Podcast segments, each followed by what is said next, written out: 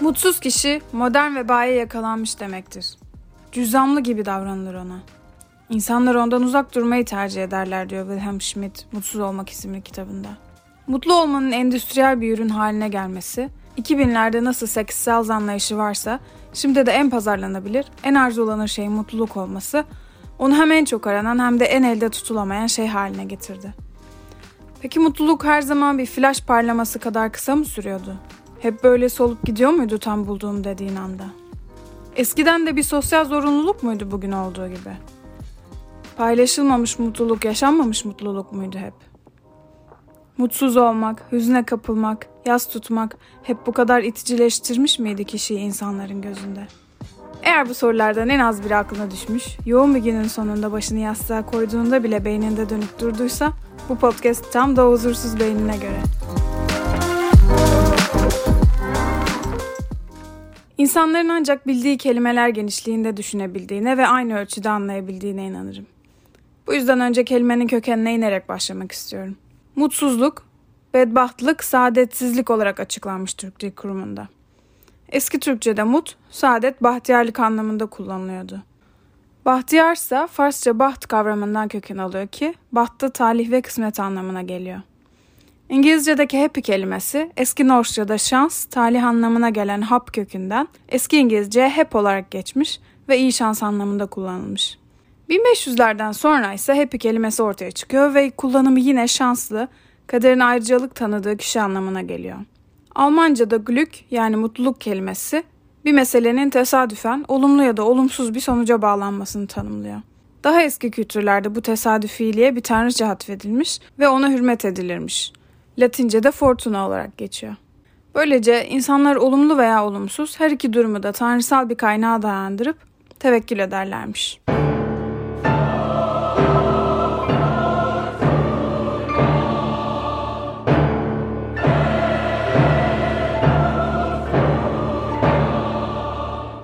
Örneklere bakıldığında mutluluğun tesadüfi, şans eseri, kaderin cilvesi ya da tanrı vergisi olduğu kanısının oldukça yaygın olduğunu söylemek mümkün. Peki bu kadar tesadüfi bir şeyin yokluğu insanı neden bu kadar mutsuz eder? İnsanın amacı sadece hayatta kalmak, görevlerini yerine getirmek değil de mutluluk olabiliyorsa bu elbette büyük bir kazanımdır. Ama hayattaki tek meselenin mutluluk olması modern hayattaki anlam kaybını örtmek isteyenlerin bir masalıdır.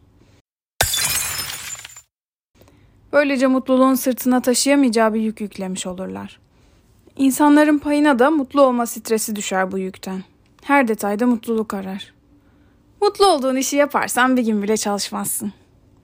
İlişkin seni sürekli mutlu etmiyorsa yanlış kişiylesindir. Arkadaşların mutlu etmiyorsa hemen çevreni revize etmelisin. Mutluluk nişanesi fotoğrafların yeterince beğeni almıyorsa gerçekten mutlu olmuş sayılır mısın? İnsan kendini hoşnutluk haline bıraktıkça hoşnutsuzluğa toleransı da bir o kadar azalıyor. Mutluluğunu başarıya bağlarsa en ufak başarısızlık hayattan bezdirebilir. Hep eğlenmek istiyorsa bir saatlik can sıkıntısı bile ona dayanılmaz bir cehennem azabı gibi gelir. Hep genç kalmak istiyorsa yaşlanmak ona çok daha fazla acı verir. Oysa mutluluk yalnızca hayatın güzel bir ilavesidir.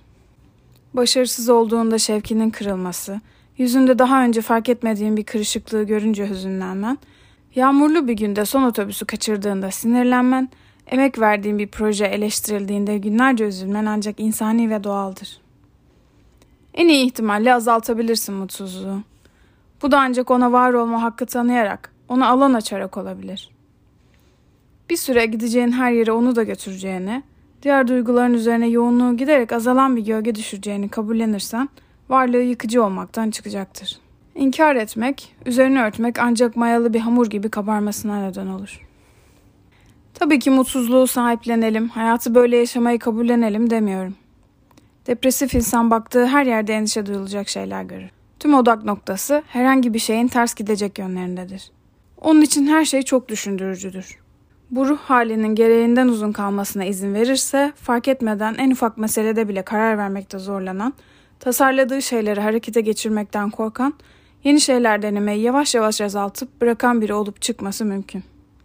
Mutsuzluk bazen akut ve büyük bir olayla hayatımıza girebileceği gibi bazen de yavaşça sızar günlük yaşantımıza. Sinsice büyüyen bir tümör gibi beslenir ufak tefek şeylerden. Ve bir gün otobüsün camından dışarı bakarken, en sevdiğin kafede taze çekilmiş kahveni içerken ya da günlerdir planladığın gezi için yola çıkarken bir anda farkına varırsın. İçimde bir his var ama ne? Burada olması için ne sebep var ki şu anda? Bir şeylerin yanlış gittiğini hissediyor ama nedenini bilmiyorsak ne yaparız?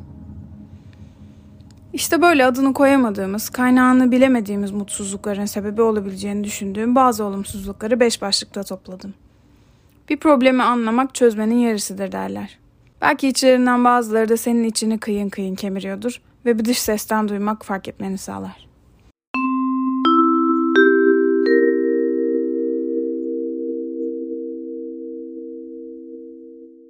Bir, Aşırı derecede hedef odaklı olmak. Bu başta kulağa başarıya giden yol gibi gelse de sonuçlara, elde edilecek şeylere gereğinden fazla odaklanmak, olaylar tamı tamına istediğimiz gibi sonuçlanmayınca derin bir hayal kırıklığına neden olabilir. Hayat çoğunlukla planlamadığımız şeylerin başımıza gelmesiyle geçer. İyi ya da kötü. Bu yüzden her eylemin sonucunda mükemmel hedefe ulaşmayı beklemek yerine bu yolda karşımıza çıkanlara göre esnemek, gerekirse hedef değiştirmek başarılı ve tatmin edici bir hayata sahip olmak için daha uygun bir yol gibi geliyor bana. 2. Kin tutmak. Bazı insanların diğerlerinden daha kolay sinirlendiğini anlıyorum. Ben de onlardan biriydim ve belki de hala öyleyim. Bu duyguya tutunmak, ona zihin dünyasında kalıcı bir oda vermek insana yük olmaktan başka bir işe yaramıyor bence.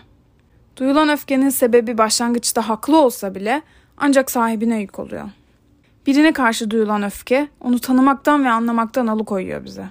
Eminim senin de çevrende çok öfkelendirmiş, sana haksızlık yapmış, üzmüş birileri vardır. Bunların bazılarını hayatımızdan çıkartamayız ya da çıkarsak bile duyulan öfkeye bir yararı olmayacaktır. Böyle durumlarda olayı üzerinden zaman geçtikten sonra tekrar analiz etmek faydalı oluyor bence. Neden böyle davranmış olabilir? Benden ne istemiş de karşılanmamış olabilir? Benim yaptığım veya söylediğim bir şey onu gücendirmiş olabilir mi? Bu soruları her zaman karşı tarafa da sorabiliriz tabii. Belki de hepsi bir yanlış anlaşılmadan kaynaklanmıştı. Geçmişe hala erişimimiz varken, o kişiye hala ulaşabiliyorken bu soruları sormayı denemek gerek. Yanlış anlaşılmalar aşırı reaksiyonlar vermeye ya da duyguların yanlış kişiye yönlendirilmesine neden olabilir. Hakikati öğrenmek bu duyguları özgür kılacaktır. 3. Geçmişte çok fazla zaman geçirmek. Bu hem güzel anılar için hem de üzücü anılar için geçerli olabilir. Çok mutlu olduğun dönemlerde takılıp kalmak, huzur bulmak için sürekli o anlara kaçmak, karşına çıkabilecek yeni fırsatları ve güzellikleri kaçırmana sebep olabilir. Seni çok üzen olaylara takılıp kalmaksa o duyguların ilk günkü kadar canlı kalmasına, üzerine düşündükçe can sıkıcılığının artmasına ve yine bugünü yaşayamamana yol açar. Geçmiş travmalara beyaz bayrak sallayıp barışmak, onları başka insanlara yansıtmanın önüne geçmeye yardımcı olur. Nesilden nesile aktarılmış travmalar ve çözülmemiş çatışmaların en yaygın örneği değil midir? Ben asla annem gibi olmayacağım deyip aynı anneannemize dönüşen anneler. Geçmişte çok fazla zaman geçirdiğini fark ediyor ve bunu değiştiremiyorsan bir profesyonelden destek almak iyi bir çözüm olabilir. You spend a lot of time with stories, you start to believe that life is just stories and it's not. It, life is life and that's so sad because there's so little time and what are we doing with it? 4. Problemleri görmezden gelmek, kaçınmak ya da çözmek için hiçbir plan yapmamak. Bir problemin o anki gücümüzü aştığını hissettiğimizde en kısa yol onu görmezden gelmektir. Hazır hissedene kadar kenarda dursun. Şu an bununla ilgilenemem diye düşünürüz. Ama maalesef hüznü ve acıyı yokmuş gibi davranarak ya da kendimizi mutlu olmaya zorlayarak aşamayız. Kenarda durduğunu sandığın o problem bir sıcak hava balonu gibi şiştikçe şişecek ve sonunda tüm hayatına gölge düşürecektir.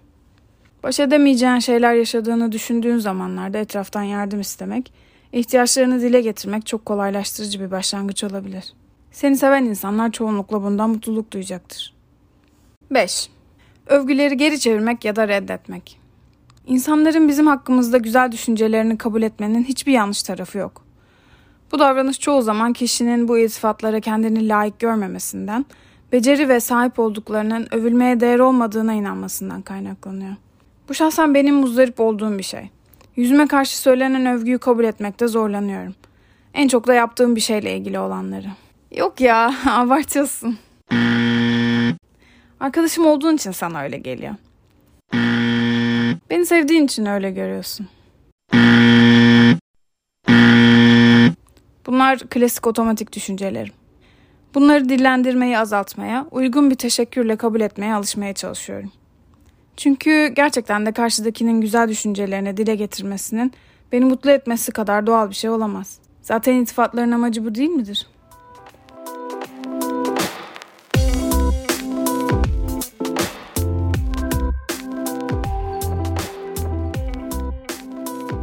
Buraya kadar dinlediğiniz için çok teşekkür ederim. Bu benim ilk podcast denemem. Bölümde bazı alıntılar yaptığım Mutsuz Olmak kitabını ve O Fortuna şiirinin linkini açıklamaya bırakıyorum. Buraya kadar gelmişken podcastimizi takip etmeyi unutmayın. Ayrıca belirttiğim linkten bize sesli mesaj bırakabilir. Instagram adresimize direkt mesaj gönderebilirsiniz. Bir sonraki bölüme kadar hoşçakalın.